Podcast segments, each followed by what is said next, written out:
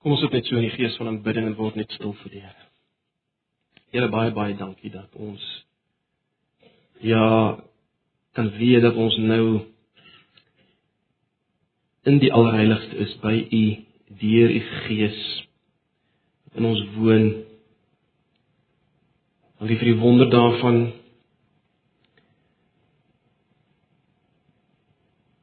Dankie vir dit wat U gedoen het deur Jesus in ons plek toe U volkomme prys behaal het. Betaal het. Volkomme werk gedoen het in ons plek sodat ons met vrymoedigheid in die heiligdom kan ingaan. Ag Here, nou is ons verwagting van U pleit U dat U nou met ons sal praat en sal werk deur U woord, deur die werking van U Gees. Verheerlik U self in ons midde. Maak ons baie bewus van U. Ook as ons U gaan beleef in die tekens hierna. Asseblief, ons vra dit in Jesus se naam. Amen. Ons beweeg na Genesis 2. En kom ons lees dan vanaf vers 4b in in julle 83 vertalings is dit onder 'n nuwe uh, opskrifie, die mens in die tuin. Kom ons lees vanaf vers Dis met ander woorde vers 4b. Toe die Here God let wel, toe die Here God die aarde en die hemel gemaak het, was daar nog nie enige struik op die aarde nie. En het daar ook nog nie enige groenigheid opgeskiet nie. Want die Here God het dit nog nie op die aarde laat reën nie. En daar was nog nie 'n mens om die grond te bewerk nie. Daar het water uit die aarde uit opgekom en al die grond nat gemaak. Die Here God het toe die mens gevorm uit die stof van die aarde en lewensasem in sy neus geblaas sodat die mens 'n lewende wese geword het. Here God het toe 'n tuin in Eden in die ooste aangelê. En die mens wat hy gevorm het daar laat woon. Die Here God het verder allerlei bome mooi om na te kyk en lekker om van te eet uit die grond laat uitspruit. Ook die boom van die lewe in die middel van die tuin en die boom van alle kennis. Daar het 'n rivier in Eden ontspring om die tuin nat te maak. Van daar af het dit verdeel en vier riviere geword. Die eerste rivier is die Pison en dit loop rondom die hele Gavila waar daar goud is. Die goud wat uh, van daardie land is suiwer, daar is ook balsam en onyx. Die tweede rivier is die Gion en dit loop rondom die hele kus. Die derde is die Tigris wat oos van Assirië verbyloop en die vierde is die Efrat. Hy sal sien die name verskil so 'n bietjie in die 53 vertaling, daar's nie heeltemal sekerheid oor presies wat uh, wat hier aangaan die name waar dit is nie. Sommige is so 'n bietjie geïnterpreteer. Maar goed, vers 15. Here God het die mens in die tuin laat woon om dit te bewerk en op te pas. Te bewaak. Here God het die mens beveel van al die bome in die tuin mag jy eet soos jy wil, maar die boom van alle kennis mag jy nie eet nie. Die dag as jy daarvan eet, sterf jy. Verder het die Here God gesê, dit is nie goed dat die mens alleen is nie. Ek sal vir hom iemand maak wat hom kan help, sy gelyke. Die Here God het toe uit die grond al die wilde diere en die voëls gevorm om na die mens toe gebring uh en aan die mens te gebring om vas te stel hoe hy elkeen sou noem en wat die mens elke lewende wese sou noem, dit sou sy naam wees. Die mens gee toe name vir al die makdiere en die voëls en die wilde diere. Maar vir homself het hy nie 'n helper, 'n gelyke gekry nie. Toe die Here God 'n diep slaap vir die mens laat kom sodat hy vasgeslaap het. Die Here God neem toe 'n ribbebeen uit die mens, vul die plek met vleis op. En die ribbebeen wat hy uit die mens geneem het, bou hy om tot 'n vrou en bring haar na die mens. Toe sê die mens, hierdie keer is dit een uit myself, een soos ek. Daarom sal sy vrou genoem word, want sy is uit die man geneem.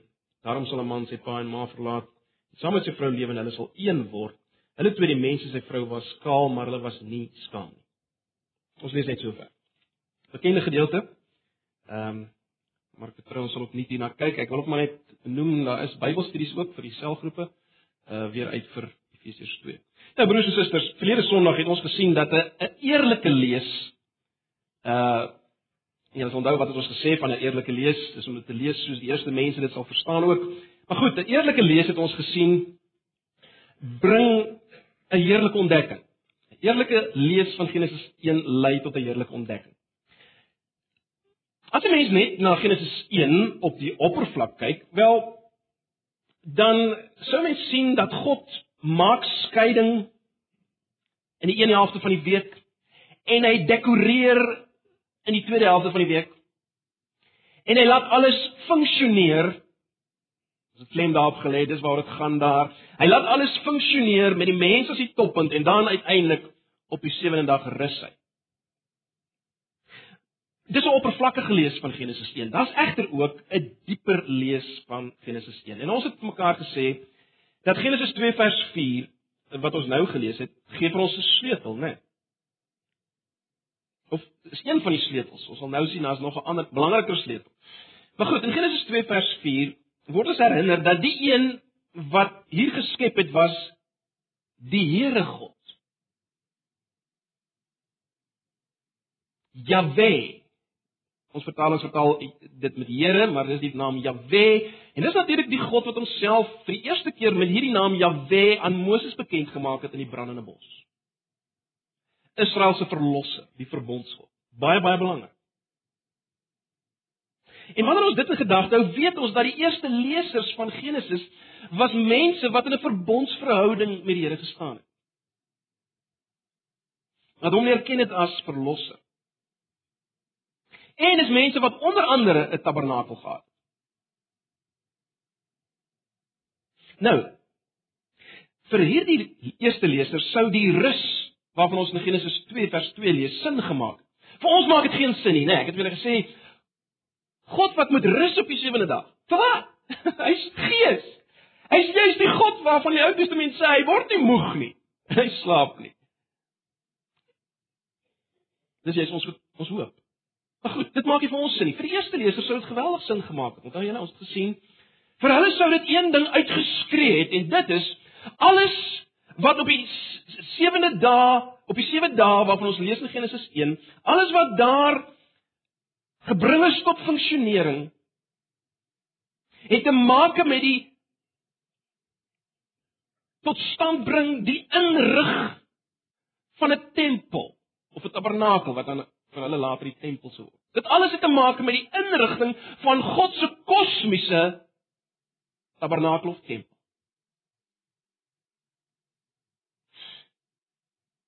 Die godsdienste rondom hulle, die volke rondom hulle het dit so gesien dat gode rus in 'n tempel.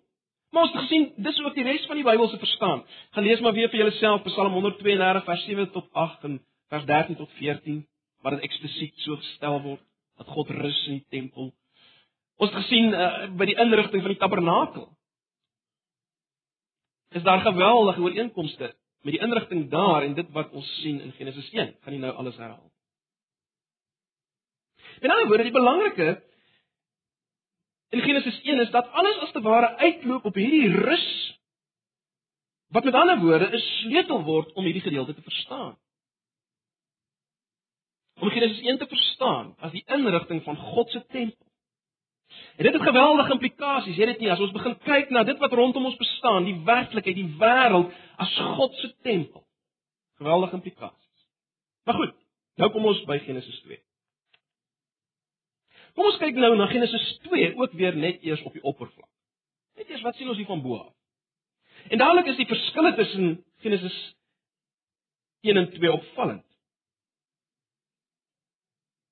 En ons sien Genesis 1 vers 1 begin met in die begin het God die hemel en die aarde geskep.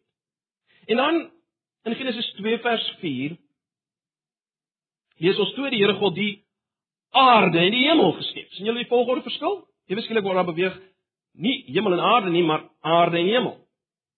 So die klem in hoofstuk 2 is dan ook baie interessant op die aarde. Julle sal gesien het, daar's geen sprake in Genesis 2 van uh die uitspansel en die ligte en al daai dinge nie. Dit is nie waar dit gaan in Genesis 2 nie. Die fokus is nou hier op die aarde.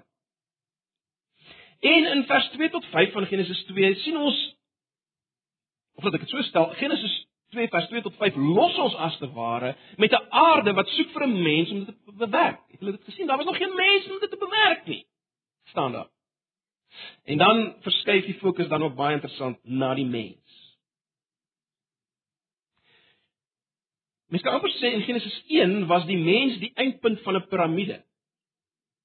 Die sesde dag. In Genesis 2 is die mens die middelpunt van wat ek sê hy hy's die middelpunt van 'n sirkel meer, né? Nee. Uh elke besonderheid hier in Genesis 2 word in verhouding met die mens geplaas. Julle sou kan sien dit. Die tuin word vir die mens geplant. Die bome is daar sodat hy kan eet.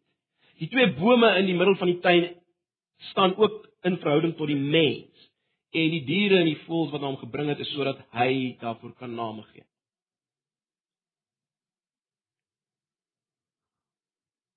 Wat Eden betref, op die oppervlak verskaf Eden voedsel sodat die seëning van Genesis 1 waar kan word op die oppervlak. Maar nou broers en susters, daar ook 'n dieper kyk na hoofstuk 2. Ons nou gesê in Genesis 1 uh of die sleutel vir Genesis 1 is daardie rus waarvan Genesis 2 vers 2 praat, waarmee die eerste gedeelte afsluit. En ek wil waag om te sê Eden, Eden is in hoofstuk 2 so 'n sleutel tot 'n dieper verstaan. As ons vir mekaar gesê dat alles in Genesis 1 uh alles in die 7 dae te maak het met die inrigting van God se kosmiese tempel, wel uh, dan moet ons tog verwag dat dat Eden as te ware iets sal wees in hierdie tempel, nie waar nie? Uh, ons kan dit aflei, ons kan logies so redeneer. Maar kom ons staan nader aan Eden, kyk wat ons sien. Nou die woord self, uh die betekenis van die woord Eden Ja, ons het al baie studies daarop gedoen, maar uiteindelik kom dit daarop neer dat Eden verwys na 'n oorvloed van water wat voorsien. Verwys na 'n oorvloed van water vir voorsiening van water of water wat voorsien net soos jy dit wil stel. Nou, baie interessant vir ons is dat ehm uh, tempels, ander tempels in Egipte en in Mesopotamië, die ou Mesopotamië, tempels is gesien in daardie tyd as gebou op fonteine. Dis hoe dit gesien is. Tempels is gebou op fonteine. En natuurlik uh hierdie tuine is geassosieer met plante groei. Hierdie tuine was natuurlik meer soos 'n park, né? Nee, ons moenie dink in terme van ons tuine nie. Meer soos 'n park gewees. Dan is dit ook interessant dat tuine voor paleise geplant is van konings as 'n soort van 'n voorvertrek tot hierdie paleis, hierdie parke. Miskien moet ek ook noem dat in die res van die Bybel lees ons van die tuin van Eden. Die, die vertaling hier die tuin in Eden, waarskynlik moet ons dit meer verstaan as die tuin van Eden. En nou nou in gedagte dat ons alles nou gesê het. Maar goed, nou sê jy sê, okay, Jakobus, maar dis dis buite Bybelse dinge. Wat sien ons in die Bybel self? Nou, baie interessant.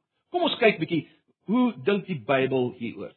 Eerstens, wat ons moet raak sien is dat Eden volgens die Bybel nie in die eerste plek die mens se tuin was nie, maar God se tuin. God se tyd. Uh miskien wil julle bly na Jesaja 51 vers 3. Here praat natuurlik nou hier oor die ballingskap en so voort. Gaan nie nou daarop in. Kyk net na die terme wat gebruik word. Vers 3 van Jesaja 51. Nou gaan die Here hom oor Sion ontferm. Hy gaan hom oor al die pyn op daar ontferm. Hy gaan die woestyngedeeltes maak soos Eden, die barre wêreld soos die tuin van die Here. So Eden is verstaan as die tuin van die Here, uh die plek God se tuin as jy wil. Ehm uh, miskien jy net kyk na Esegiel 28. Esegiel 28 vers 13. Esegiel 28 vers 13. Baie geheimsinnig, uh, geheimnisvolle gedeelte wat praat oor die koning van Tyrus. Uh, maar kyk jy goed wat genoem word. In vers 13 word gesê jy is uitgebeeld in die godetuin Eden. Nou, dis die 83 vertaling, die 1953 vertaling sê Jy was in Eden, die tuin van God. Jy was in Eden, die tuin van God. So moenie nou verder worry oor die konteks daar nie. Net sien dit net raak. Eden is gesien in die eerste plek as God se tuin. Baie belangrik om dit te onthou. Dan baie interessant broers en susters, in die profete en in die psalms vloei water uit die tempel. Ek gaan nie nou alles lees nie. Uh, ons ons ons tyd stap aan gaan gaan lees vir jouself Esegiel 47. Julle ken Esegiel 47 vanaf vers 1 en verder. Hy wonderlike beeld van die water wat uit die tempel uitvloei al verder en verder en verder en dit bring lewe. Julle ken daai gedeelte? Water vloei uit die tempel. Ons sien dit in Psalm 46 vers 5. Ons sien dit in Sagaria 14 vers 8. Water vloei uit die tempel. Nou is daar nog iets verrassend. Blaai 'n bietjie na die boek Openbaring. Nou, Interessant, in Openbaring 21 vers 1 lees ons toe dat ek 'n nuwe hemel en 'n nuwe aarde gesien. Dit op die volgorde, 'n nuwe hemel en 'n nuwe aarde. En dan as mens nou verder lees, dan sien jy hoe verskuif die fokus in die res van uh van Openbaring ewe skielik na die aarde. En dan onthou net die volgorde in Genesis 1 vers 1 en Genesis 2 vers 4, né? Nee. Hemel, aarde en dan aarde. Selfe fokus in Openbaring. En dan in Openbaring 22 vanaf vers 1 lees ons: "Toe het die engel my die rivier met die water van die lewe Openbaring 22 vers 1. Toe die engel my die rivier met die water van die lewe gewys. Dit is helder soos kristal en dit stroom uit die troon van God en van die Lam uit. Tussen die hoofstraat van die stad aan die een kant en die rivier aan die ander kant staan die boom van die lewe. Hy dra 12 keer per jaar vrugte. Elke maand lewer hy sy vrugte. Die balsam van die boom bring genesing vir die nasies. Dan gaan hy so aan, daar sal niks meer wees wat deur God vervloek is nie. Die troon van God en van die Lam sal in die stad wees en sy dienaars sal hom dien. Hulle sal hom sien en sy naam sal op hulle voorkoppe wees. Daar sal nie meer nag wees nie. Die mense het nie die lig van 'n lamp en die lig van die son nodig nie, maar die Here God, hulle sal verlig en hulle sal tot in alle ewigheid regeer. Geweldig, is dit nie? Dan is daar nog iets wat interessant is. Ons het nou verlede Sondag gesien dat met die instruksies van die tabernakel tot die instruksies gegee is vir die bou van die tabernakel, het die wolk vir 6 dae die berg bedek En ons sluit hierdie instruksies oor die bou van die tabernakel af met die opdrag tot die hou van die Sabbat. Maar nou, as ons bietjie nader gaan na die tabernakel en ons kyk wat word gevind binne in hierdie tabernakel voor die allerheiligste, dan is dit fascinerend. Ek weet nie of julle dit al ooit raak gesien het. Ons kry byvoorbeeld die goud en die oniks van Eden. Kry ons daar. Die goud en die oniks van Eden kry ons weer in die tabernakel. Ons sien byvoorbeeld oniksstene wat gegraveer is met die name van die seuns van Israel en, en terloops daar's goud in oorvloed hier voor in die tabernakel. Gaan lees maar Eksodus 28 self vir julle vers 9 tot 12 Eksodus 25. Dan is daar die boom van die lewe. Ek wil tog net hê julle moet dit net sien. Blaai bietjie vinnig na Eksodus 25. Eksodus 25. Vers 31. Eksodus 25 vers 31. Jy moet 'n kandelaar van suiwer goud maak Dit moet van geslaag goud wees sodat die kandelaar se voetstuk stam stam blomkelke, knoppe en kroonblare alles een geheel is. En dan gaan hy so voort. En in vers 40 sê hy sorg dat jy dit maak volgens die plan wat vir op die berg gewys is. God het 'n plan gehad wat hy gewys het. Dis wonderbaar kom dit vandaan. Maar goed. Die punt is hierdie hierdie kandelaar het verseker en ek wil nie nou daarop ingaan nie, maar maar ek dink julle sal self kan raak sien. Ek verseker hierdie kandelaar die boom van die lewe gesimboliseer, dit gelyk soos 'n boom. Daar word geplaas van blomme en knoppe en stam en so aan. Oral is ook op die gordyne, julle kan dit self gaan lees in daai gedeeltes. Oral word tussen die palms en die blomme in die binnekamers en op die gordyne daar in die tabernakel word gerubs gevind. Engele. Nou, Ons kry dit engele nie in Genesis 2 nie, maar in in Genesis 3 kry ons die die engele wat die tuin bewaak en en as baie ooreenkomste. Hulle word ook geteken met uitgestrekte arms verseker wys na hierdie bewaking van die tuin. Wat probeer ek sê? Broers en susters, as min twyfel by my dat dat God wil hê ons moet raak sien. En God wou gehad het die eerste lesers, sy verbondsvolk moet raak sien dat Eden was aanvanklik die allerheiligste van God en die tuin was as te ware die die vertrek voor hierdie allerheiligste van God. Dit was God se bedoeling vir die mens, dis hoe alles begin het.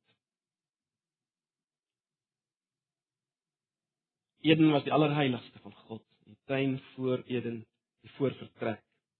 En nou is dit interessant om verder te kyk na na hoe die mens en God in 'n baie intieme verhouding in hierdie Eden is, hierdie allerheiligste.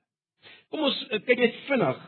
Wat sien ons van die mens? Wel, die besondere van die mens hier is is natuurlik in die eerste plek nie so seer dat dat hy volgens vers 6 as jy die 53 vertaling het 'n lewende siel of 'n lewende wese geword het nie. Die presies dieselfde woorde word in Hebreëus byvoorbeeld gebruik vir die diere. Hulle het ook lewende siele geword, letterlik. Dis nie die besonder nie. Die besonder is dat God self sy asem in die mens ingeblaas het. Het jy dit gesien?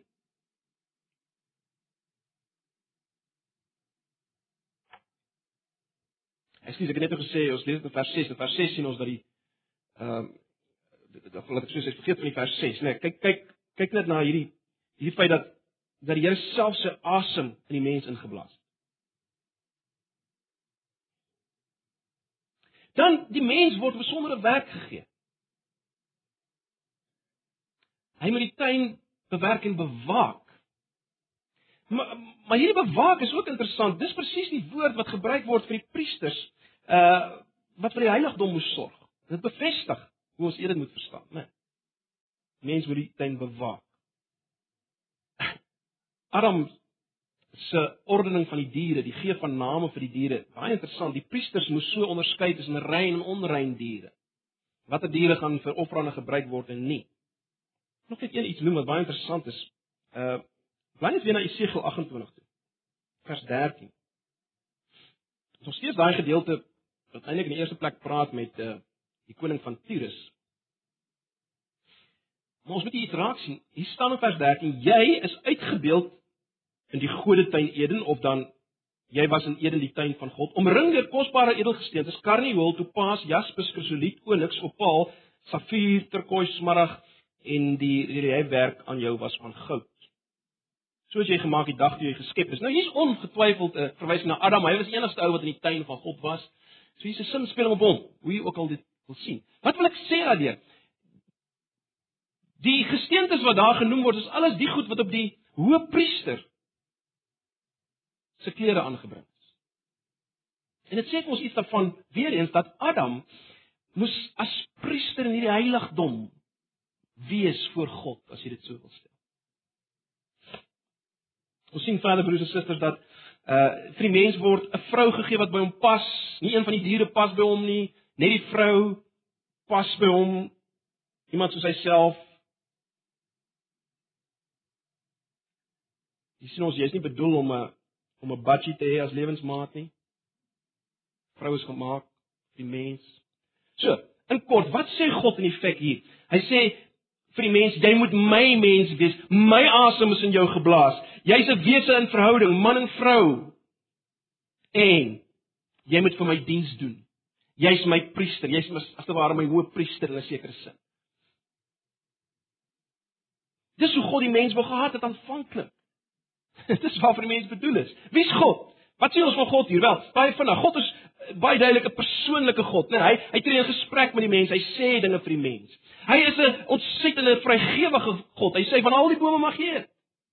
Let wel, selfs die verbod op die eet van die boom van kennis moet nie negatief gesien nie, maar positief gesien word. Want dit is baie duidelik, die eet van hierdie boom sou lei tot die dood. Dit sou die mens as te ware onafhanklik van God 'n status gee en en en dis doodsake.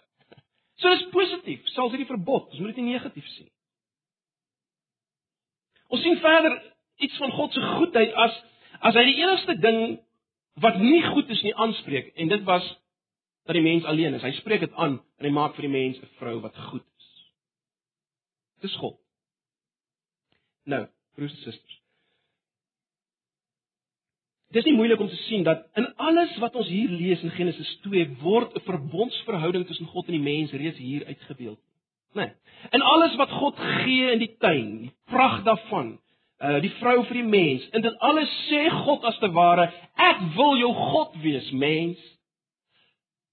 Maar jy moet my mens wees, bewoon, bewerk, bewaak. Moenie eet van daai boom nie. Ek wil jou God wees jy my mens wees. Dis die verbondsverhouding dwars deur die Ou Testament. Maar dis hier. Dis hoe God dit bedoel het. Dis hoe God dit bedoel het.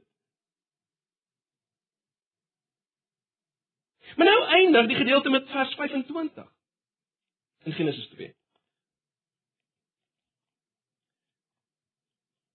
Vreemd.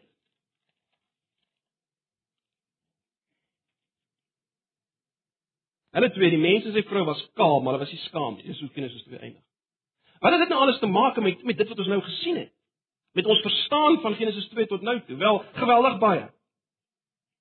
In die eerste oogopslag, broers en susters, kan mens dink die rede waarom die mens nie ehm uh, nie skaam was al hoewel hulle kaal was, naak was, die rede daarvoor is daar was nog nie sonde nie.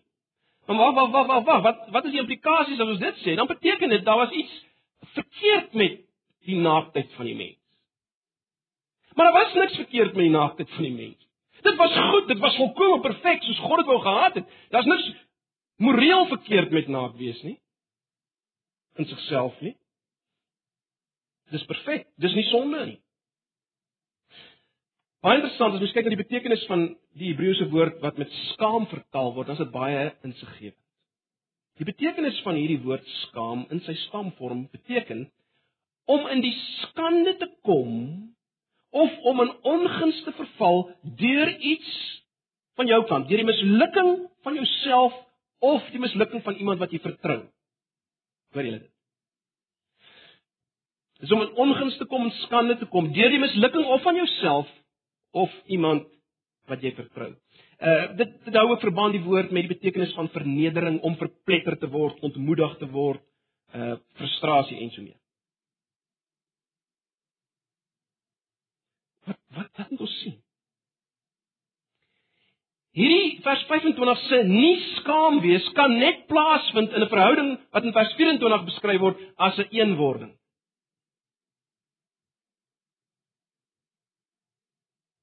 Vers 24 daarom sal 'n man sy pa en ma verlaat, saam met sy vrou lewe en hulle sal een word. Hierdie nie skaam is net moontlik in hierdie intieme, intieme, mees intieme verhouding wat daar kan wees, 'n een eenwording. 'n Verbondsverhouding. En daarom wil ek die stelling maak dat die mens as man en vrou, onthou die mens is geskep as man en vrou na die beeld van God. Ons sien dit in Genesis 1. Die mens is bedoel Luister mooi, om in 'n huweliksverhouding met God te staan. Om in 'n huweliksverhouding met God te staan. En die die eenheid tussen man en vrou wat veronderstel is om te lei tot 'n toestand van nie skaam. Dit moet ons altyd weer herinner aan ons huweliksverhouding met God. Dis dis waarvoor dit gegee is. In ander woorde, menswees is bedoel Dis hoe God dit bedoel het om in 'n huweliksverhouding te wees met God waarin jy nie bang is, let wel, waarin jy nie bang is om verneder te word, verpletter te word en sonder hoop te wees nie. Dis waarvoor jy gemaak is, broer en suster, om 'n so 'n verhouding met God te wees. Gaan nie skaam nie. Miskien sê jy maar nou gaan jy te ver Jakobus. Nee. Gaan lees die res van die Ou Testament en dan word die verhouding, die verbondsverhouding tussen God en Israel word altyd as 'n huwelik uitgebeeld. Weer en weer. Dink aan Hosea. En dan natuurlik in die Nuwe Testament. Kom Paulus in Efesiërs 5 en julle ken dit. En dan haal hy hierdie verse aan uit Genesis en hy sê die volgende. Hy sê daar staan in die skrif daarom sal 'n man sy pa en ma verlaat en saam met sy vrou lewe en hulle twee sal een wees. Dis Genesis 2 vers 24. Hy sê hier lê daar 'n diep geheimenis. Daar's meer as wat die oog kan sien. Hy sê ek pas dit toe op Christus en die kerk verhouding, die huweliksverhouding tussen Christus en sy gemeente. Dis waar dit gaan, dis 'n afbeelding daarvan. So broers en susters, hier in Genesis 2 sien ons waarvoor ons bedoel is. Waarvoor ons bedoel is. Wat van die eerste verse? Kom ons gaan net vinnig swem toe terug. Wat van die aarde waarvan ons lees in vers 3 tot 5? want dit lyk of daar nie veel aangaan nie. Wel, ek dink die implikasie waarmee die skrywer ons wil los is dit. Luister mooi. Die mens moes die heiligdom verhouding van Eden uitbrei na die res van die skepping. Natuurlik deur te vermeerder in die lig van die opdrag van Genesis 1. Die mens moes vermeerder en hierdie huweliksverhouding van Genesis van van van Eden, hierdie verbondsverhouding, hierdie verhouding met God, moes uitgedra word in die res van die tuin. Dis die implikasie daarvan. Die res van die aarde moes word soos Eden, om dit eenvoudig te stel, raai. Die res van die aarde moes word soos Eden. En nou sien ons Eden het 'n dieper betekenis as net bome en plante. Kom ons sluit af met 'n paar opmerkings oor die boodskap vir Israel en die boodskap vir ons. Wat sou die eerste lesers Israel verstaan dit hier? Wel, God wil vir hulle sê, kyk, Israel, my volk. Ek wil met julle in 'n verbondsverhouding staan soos met Adam en Eva aan die begin. Is baie interessant as ons Levitikus lees, in Levitikus 26 vers 11 en 12. Luister maar net, ek lees vir julle die die 53 vertaling, die meer letterlike vertaling. Luister mooi. God sê en ek sal my tabernakel onder julle oprig en my siel sal van julle geen afskeid hê nie. En dan vers 12 en ek sal in julle midde wandel en vir julle God wees en julle sal my volk wees. Dis jammer in die nuwe vertaling is die woord wandel uitgehaal want dit is die oorspronklike woord wat ons nou in Genesis 3 gaan kry as as God wandel met die mense in daai tyd. Maar sien, dis die punt as hulle die tabernakel sien en en en daar besig is met hulle dit onthou. Dit is wanneer God op pad is. Dis wat hy wil. God sê as te ware vir hulle, kyk elke keer as julle die hoë priester sien in beweeg in die allerheiligste, wat moet julle weet? Julle moet weet, uiteindelik wil ek hê alle mense, alle mense moet in so 'n verhouding met my wees. Dit was my plan aanvanklik. Ek is op pad daarheen.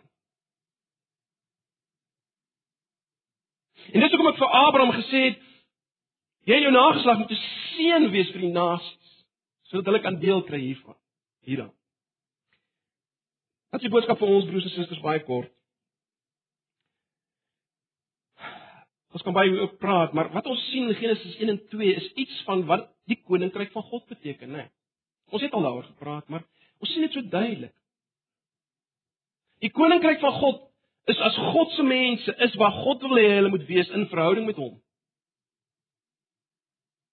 Dis mense wat in 'n verhouding met God is en met mekaar en die omgewing soos God dit wil hê. Dis die koninkryk van God waarna Jesus verwys as hy sê die koninkryk van God het naby gekom. Dis nou weer moontlik om hierin te beweeg in die koninkryk.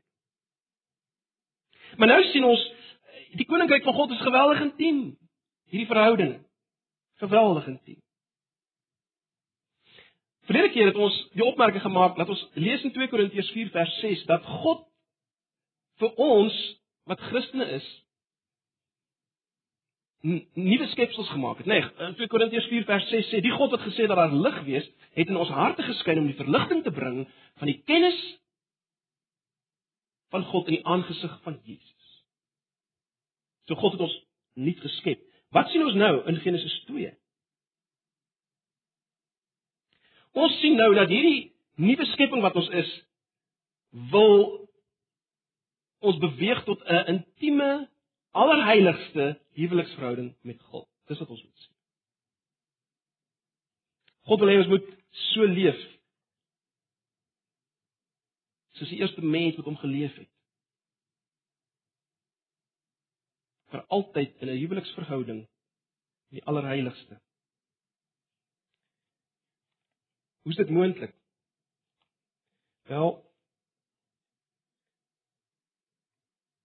Blaai net in Hebreërs 10. Hebreërs 10. Hebreërs 10 vanaf vers 19. Broers, ons het dus nou deur die bloed van Jesus vrye toegang tot die heiligdom en dit op 'n weg wat nuut is en na die lewe lei. Hierdie weg het hy vir ons gebaan deur die voorhangsel heen, dit is deur sy liggaam.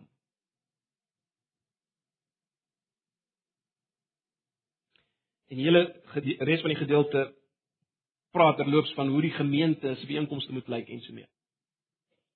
Maar ons wil nie nou daarop uitbrei nie. Al wat ek wil hê julle moet sien dat as gevolg van die werk van Jesus, toe Jesus se liggaam skeur, toe skeur die voorhangsel van die allerheiligste, sodat ons almal nou, elke kind van God kan elke dag in 'n allerheiligste, in die allerheiligste wees met God in 'n intieme verhouding, 'n huweliksverhouding.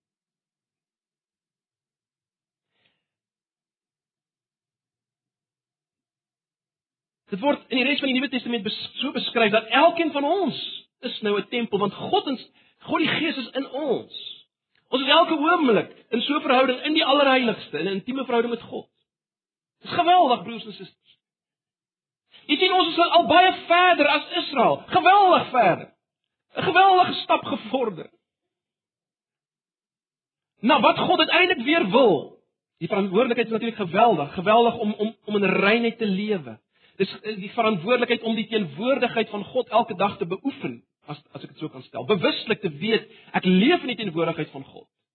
Alles wat ek sê, alles wat ek doen, om in kommunikasie met hom te wees bewuslik. Dis die uitdaging. Dis waarvoor God ons nou nie geskep het en in hierdie heiligdom verhouding geplaas het. En dis die basis van ons evangelisasiewerk, is dit nie? Onthou Genesis 2 se eerste verse. Ons is bedoel om weer oor die aarde te beweeg. Matteus 28 gaan na al die nasies toe.